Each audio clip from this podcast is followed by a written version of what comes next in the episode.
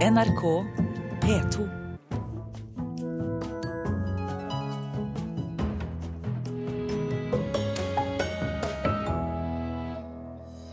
Rørosmuseet risikerer å miste støtte. Ordføreren er fortvilet over hvordan de skal ta vare på verdensarvstatusen.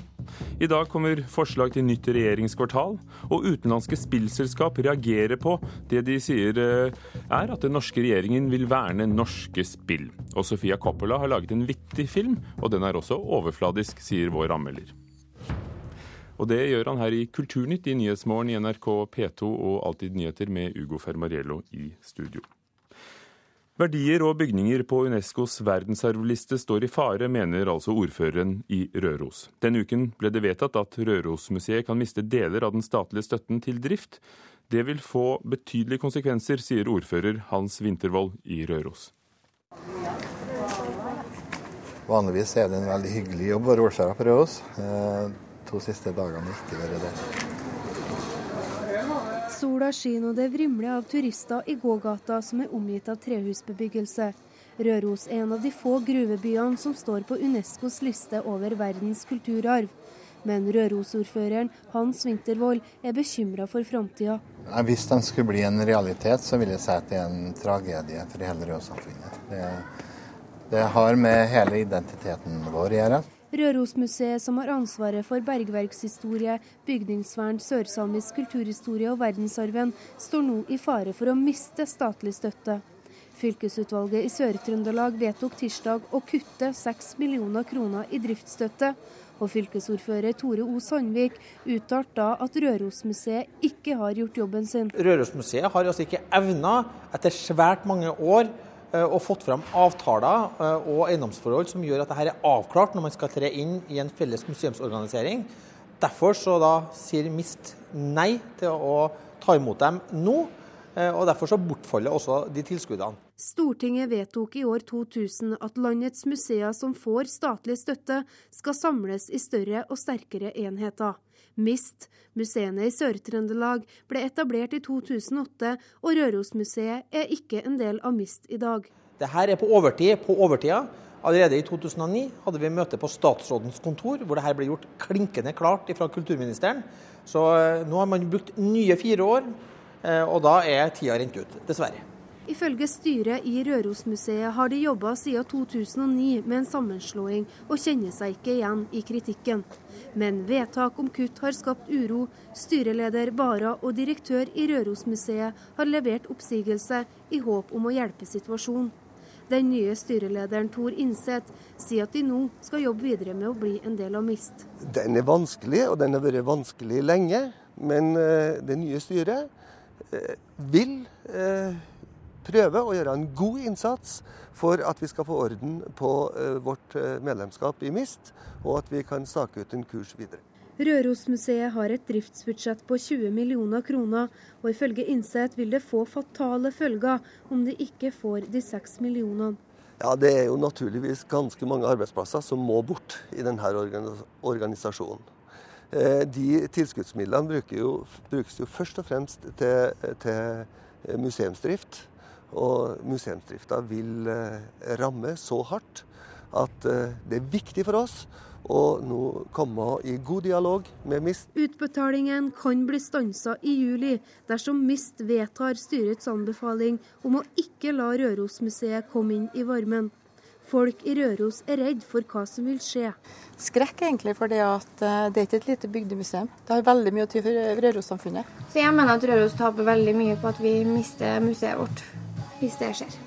Ordføreren i Røros frykter for stengte dører og færre arbeidsplasser. Det har så store konsekvenser for hele lokalsamfunnet. og Det vil bety at, eh, at vi blir et veldig mye fattigere samfunn enn vi er i dag. Sa Røros-ordfører Hans Wintervold til vår reporter Kaja Kristin Næss.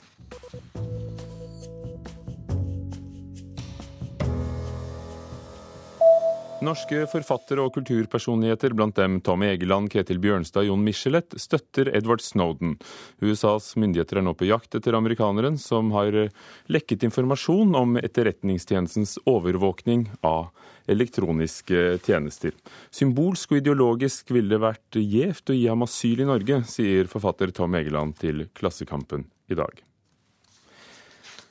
Og SV er det eneste partiet som sier klart at de ikke ville kastet ut Edward Snowden hvis han hadde søkt tilflukt i Norge. Fremskrittspartiet ville samarbeidet med USA. Jeg har uh, ikke stor sympati for den måten han har valgt å gå frem på.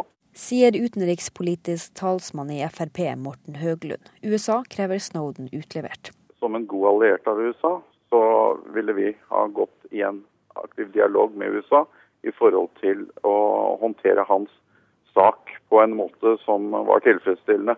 KrF, Senterpartiet og Arbeiderpartiet kaller problemstillinga hypotetisk. Det kommer ikke et klart svar før utenrikspolitisk talsperson i SV, Snorre Valen, tar telefonen.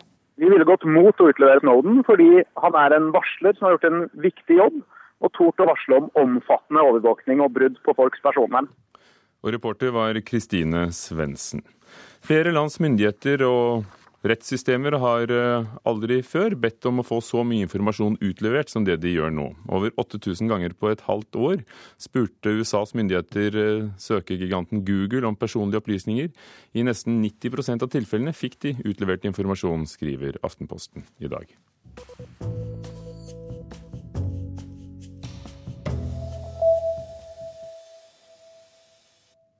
Klokken 11 i dag får folk se de nye forslagene til nytt regjeringskvartal i Oslo. Nye regjeringskontorer kan føre til at kjente naboer som Verdensgang og boligsparelaget Obos må flytte. Det har ikke Obos-sjef Martin Mæland noe imot, men han sier at hensyn til sikkerhet ikke må få lov til å ødelegge byen. Selv om man uh, har respekt for at man skal ivareta sikkerheten, så må man gjøre det på en sånn måte at det er minst mulig ulempe for publikum. Sånn at det ikke ser ut som man bor i en festning uh, uh, som gjør at folk ikke orker eller har lyst til å gå gjennom disse områdene. At de blir døde og folketomme. Fordi det vil være trist for byen. Obos og VG har sine kontorer i områder som kan bli tatt over av staten gjennom ekspropriasjon, dersom man går for det såkalte øst- eller vestalternativet. Østalternativet foreslår at området mellom Møllergata og Grubbegata i Oslo gir plass til departementer. Boligkjeden Obos har sitt hovedkontor i dette området, men konsernsjef Mæland er ikke bekymret for om de må flytte. Ja, det er Bedrifter flytter jo en gang iblant, så selv om vi har bodd på Hammersborg torg i 50 år, så, eh, så, er jo det ingen umulighet. Men eh, vi regner jo da med at regjeringen vil kunne skaffe oss andre lokaler. Som er av tilsvarende beliggenhet og beskaffenhet. VG har holdt til i lokalene i Akersgata siden 1945. Dersom regjeringen går for det såkalte vestalternativet, vil det kunne medføre at disse avislokalene overtas av staten som del av et nytt regjeringskvartal. Men dette bekymrer heller ikke administrerende direktør i VG, Torry Pedersen. Jeg kan vel ikke si at vi har noen akutt bekymring. For det første så er det vår erfaring at utbyggingsprosjekter i Oslo tar svært lang tid. Og hvis eh, det skulle bli slik at eh, dette alternativet skulle bli valgt, så formoder jeg at eh, det legges til rette for at VG får andre veldig gode, hensiktsmessige lokaler i Oslo sentrum. Det er det viktige for oss. Konsernsjef Mæland i Obos er opptatt av at det nye regjeringskvartalet ikke bør bli et avstengt område hvor hensynet til sikkerheten blir til ulempe for folk. Det som ikke gagner byutviklingen, det er hvis man lager alt dette til en festning og stenger eh, gatene. Altså hvis man opprettholder Akersgata stengt eh, også gjør Møllagate enda vanskeligere tilgjengelig enn den er i dag, så vil det være veldig trist for byutviklingen. Da vil man lage en død eh, by midt i sentrum. Og gjøre at eh, det vil være andre deler av Oslo kanskje som, som, blir bedre, da. Men det vil være trist for sentrum Oslo rundt, eh, rundt Stortinget og Karl Johan. Så alt man kan gjøre for å åpne noen av disse viktige gatene, både for, eh, både for eh, folk og kollektivtransport, Eh, og også delvis fra biler. Det vil være, være bra for byutviklingen. Sa Martin Mæland, sjef for Obos. Klokken 11 i formiddag presenterer LPO Arkitekter og to byggeprosjektfirmaer de forskjellige alternativene til regjeringskvartal, sammen med både prislappen og anbefalingene de kommer med. Administrasjonsminister Rigmor Aasrud vil ikke kommentere forslagene i forkant av dette. Men det vil du, Agnes Moxnes, for du er kulturkommentator her i NRK. Hvilke forventninger har du til det som kommer? Store forventninger til det, for det kommer til å gi oss et innblikk i hvordan hovedstaden eh, sentralt kommer til å se ut i minst 100 år eh, fremover. Eh, her har jo altså Fornyingsdepartementet fått hjelp av rådnings, rådnings, rådgivningshjelp da, av Opak Metier og arkitektkontoret LPO. Og det de leverer i dag, er visstnok seks ulike forslag til hvordan et fremtidig regjeringskvartal skal bli seende ut. Og man må jo være lommekjent i byen for å se for seg de forskjellige alternativene. Men det som visstnok er en favoritt, er jo det på, som ligger bak Høyblokka i dag. Altså såkalt Grubegata og Møllergata, som da inkluderer bl.a. Obos-bygget, som vi hørte om her. Skal dette nye regjeringskvartalet være noe annet enn det som har vært? Ja, det kommer til å bli mye større, for regjeringen har eh, bestemt at også Utenriksdepartementet og Miljøverndepartementet skal flyttes inn i Eller at hele regjeringen skal samles. Og det er jo sikkerhetsmessige årsaker til det. Og Utenriksdepartementet bl.a. er jo et svært stort departement. Det store spørsmålet og debatten har eh, vært mellom å rive eller ikke rive, og da særlig den karakteristiske høyblokken. Hva, hva, hva, venter du deg blir anbefalt? Ja, eh, nok, Av disse seks forslagene så er det visstnok ett av forslagene som, hvor eh, blokka, høyblokka rives, og man tenker helt nytt på hele området. Eh, fire av forslagene har Høyblokka eh, stående. Eh, det ene forslaget er da et nullforslag. at man, ikke, man bare bygger opp igjen det som har vært. Og det er vel det minst trolige forslaget. Det, altså det er minst trolig at de går for det forslaget i dag. Selv om man skal være lommekjent, så er det altså en stor del midt i hovedstaden eh, som hadde en vakker plass før det ble bygd en sånn Y-blokk. Arne Garborgs plass, Deichmanske hovedbibliotek, Trefoldighetskirken. Eh, hva betyr de grepene som gjøres? Altså, det må ha vært veldig morsomt for et arkitektkontor å jobbe med hvordan man ser for seg en hel bydel som har så mange fine elementer som det, denne bydelen her eh, har. Eh, sånn at det for folk i byen og, myndighetene i Oslo, så er jo selvfølgelig det det aller, aller viktigste. At man klarer å få til en løsning hvor man ser nye akser, åpner nye siktlinjer og gjør dette her til en levende og fin eh, bydel. Hva får vi svar på i dag? I dag får vi svar på eh, hvor eh, kjapt det går å, bygge et nytt eh, kvarter. Altså for det første så får vi svar på hvilket er det foretrukne forslaget. Hvor kjapt det kommer til å, å gå bygge, eller går å bygge det. Hva det kommer til å koste. Og det kommer til å bli dyrt, og det kommer til å legge seg oppå kostnader som går som staten skal ha til et nytt nasjonalmuseum, og hvor også et nytt Munch-museum i Oslo. Så blir det mye bygging her fremover. Men hva er neste skritt? Neste skritt nå er at man skal, eh, eh, man skal gå inn og kvalitetssikre disse, dette forslaget fra de tre rådgivningsselskapene. Og så kommer det til å ende i Stortinget til slutt, men det er jo først neste storting som skal ta stilling til dette her. Agnes Moxnes, takk. Planene for nytt regjeringskvartal kommer også klokken 11 i formiddag. Det kan du sikkert se på nrk.no. Klokken er 16,5 minutt over åtte. Overskriftene fra Dagsnytt i dag. Sykepleiere kan bli nødt til å arbeide flere helger, sier helseministeren, fordi bemanningen eh, må foregå året rundt. Jeg har svart på det litt spisse spørsmålet er det en menneskerett eh, å jobbe bare hver tredje helg. Og da har jeg sagt at nei, vi kan ikke si at det er en menneskerett, men det er en menneskerett i Norge å arbeide innenfor et forsvarlig arbeidsliv sa Jonas Gahr Støre. I dag blir det kjent om Telenor får mobillisens i Myanmar, det tidligere Burma. Ifølge en indisk avis har selskapet allerede begynt å ansette folk. Og i Australia er Kevin Rudd igjen tatt i ed som statsminister etter at Julia Gillard gikk av i går.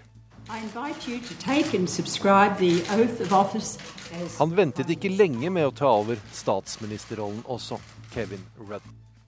Og Kulturnytts anmelder har sett Sofia Coppelas nye film som har kinopremiere i Norge denne helgen.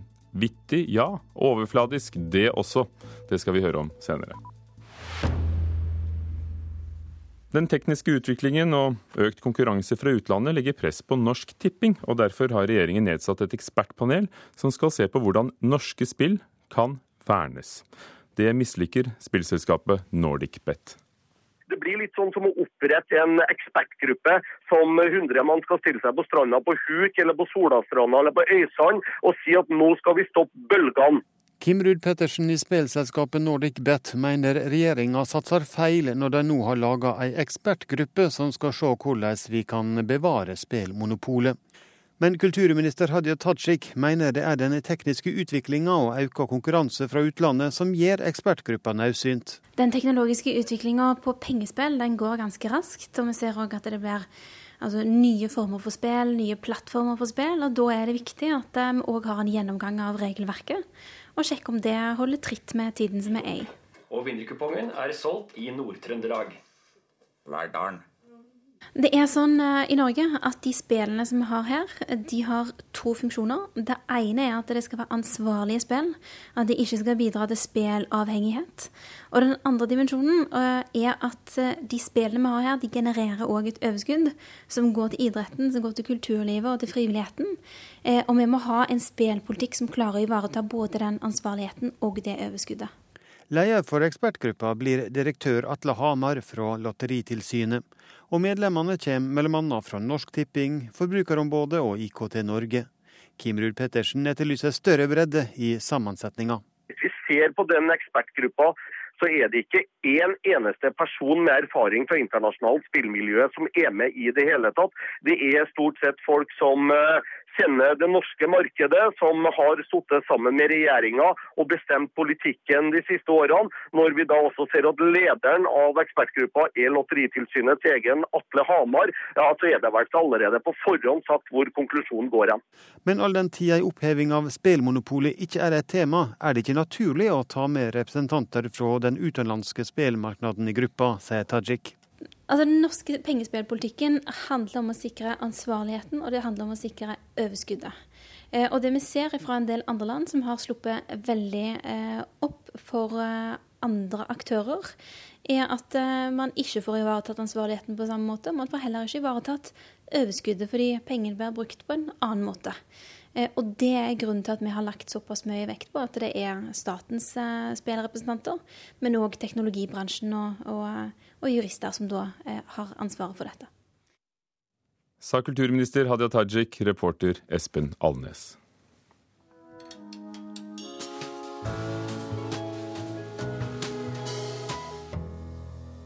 I 2008 brøt en gruppe ungdommer seg inn hos TV-kjendis og hotellarving Paris Hilton og stjal klær og smykker.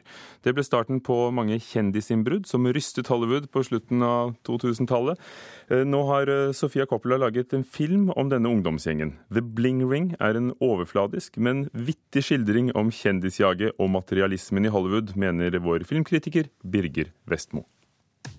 This morning, we are going to make vision boards about people who are demonstrating good character, like Angelina Jolie.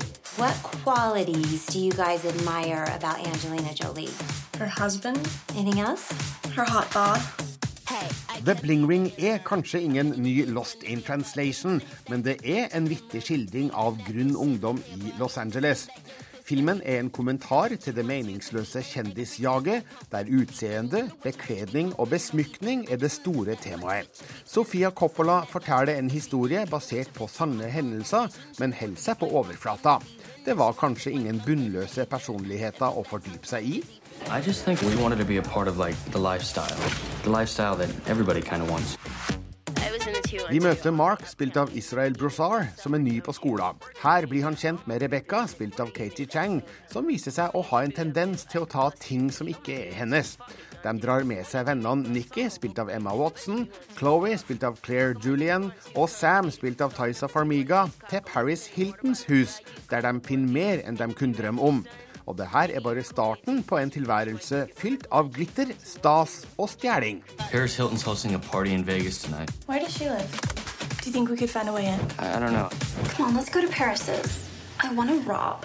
Coppola introduserer oss for de her menneskene uten å skjule deres manglende dømmekraft. De er ikke onde, bare helt vanlig ungdom som tråkker over moralske grenser som de fleste av oss holder oss innafor.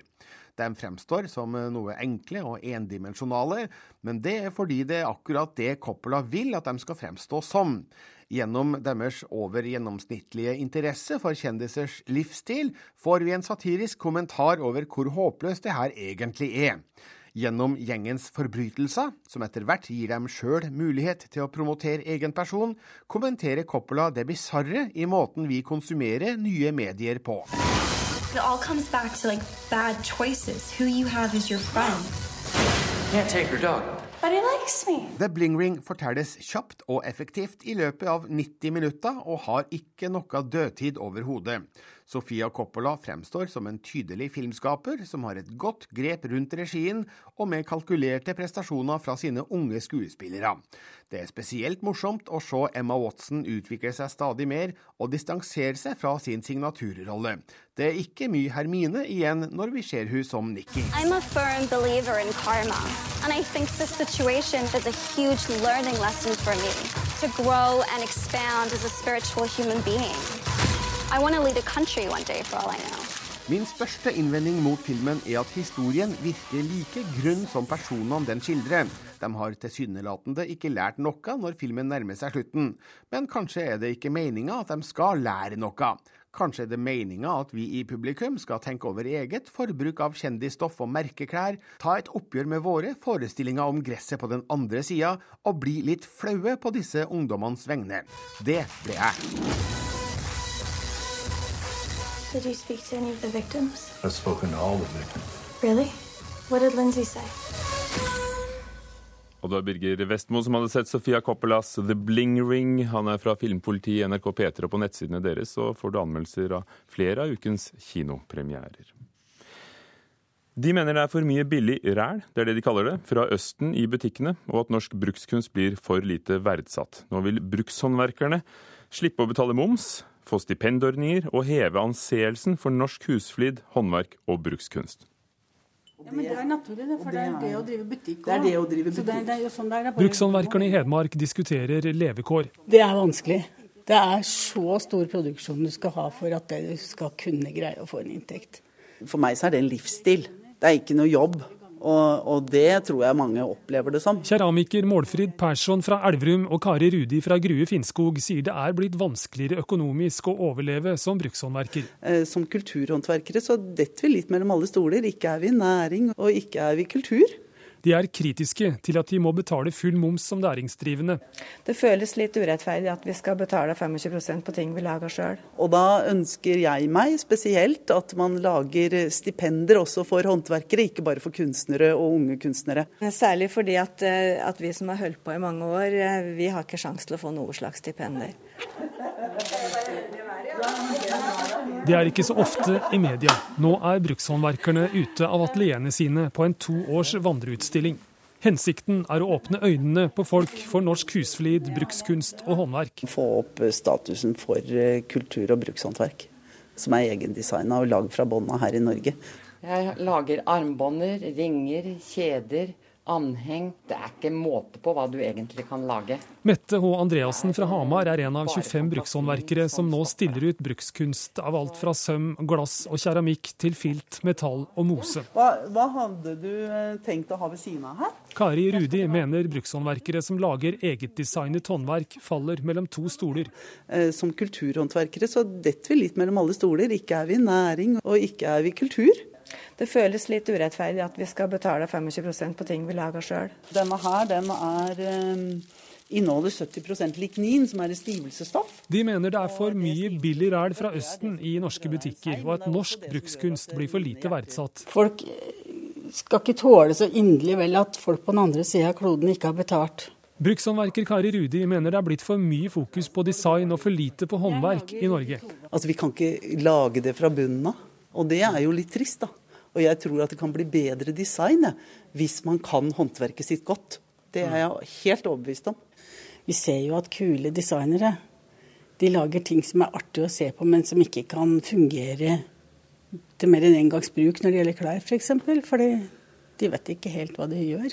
Sier Evelyn Refsal fra Stange, som lager unike, tovede produkter av norsk ull. Akkurat nå driver jeg og setter opp for å få folk opp trappa. Men hvis ingen vil kjøpe norsk brukshåndverk fordi det er for dyrt, hvorfor er det da så viktig å ha det? Vi trenger litt uh, kunst og håndverk rundt oss, tror jeg. Ikke bare sånne masseproduserte ting. Så alle, alle trenger det. Jo, fordi at det gir et bedre mangfold. Altså det gir kvalitet. Vi lager ting som kan brukes nå. Vi designer det sjøl, og vi kan håndverket vårt. Vi har jo her eh, mange ting som du kan kjøpe til under 500 kroner.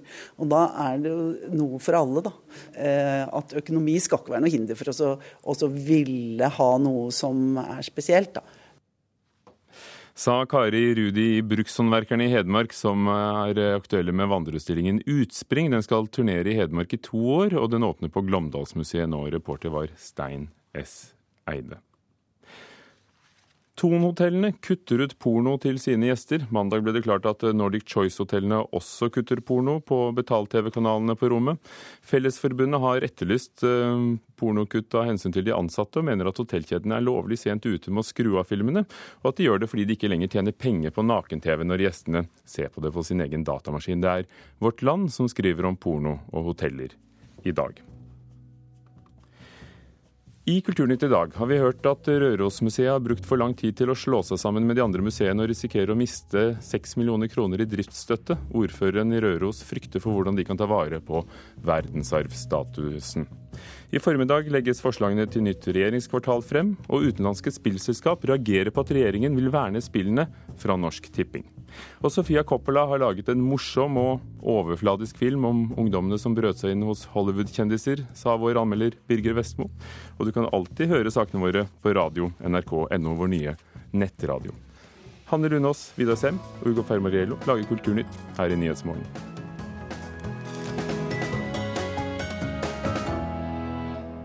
Hør flere podkaster på nrk.no podkast.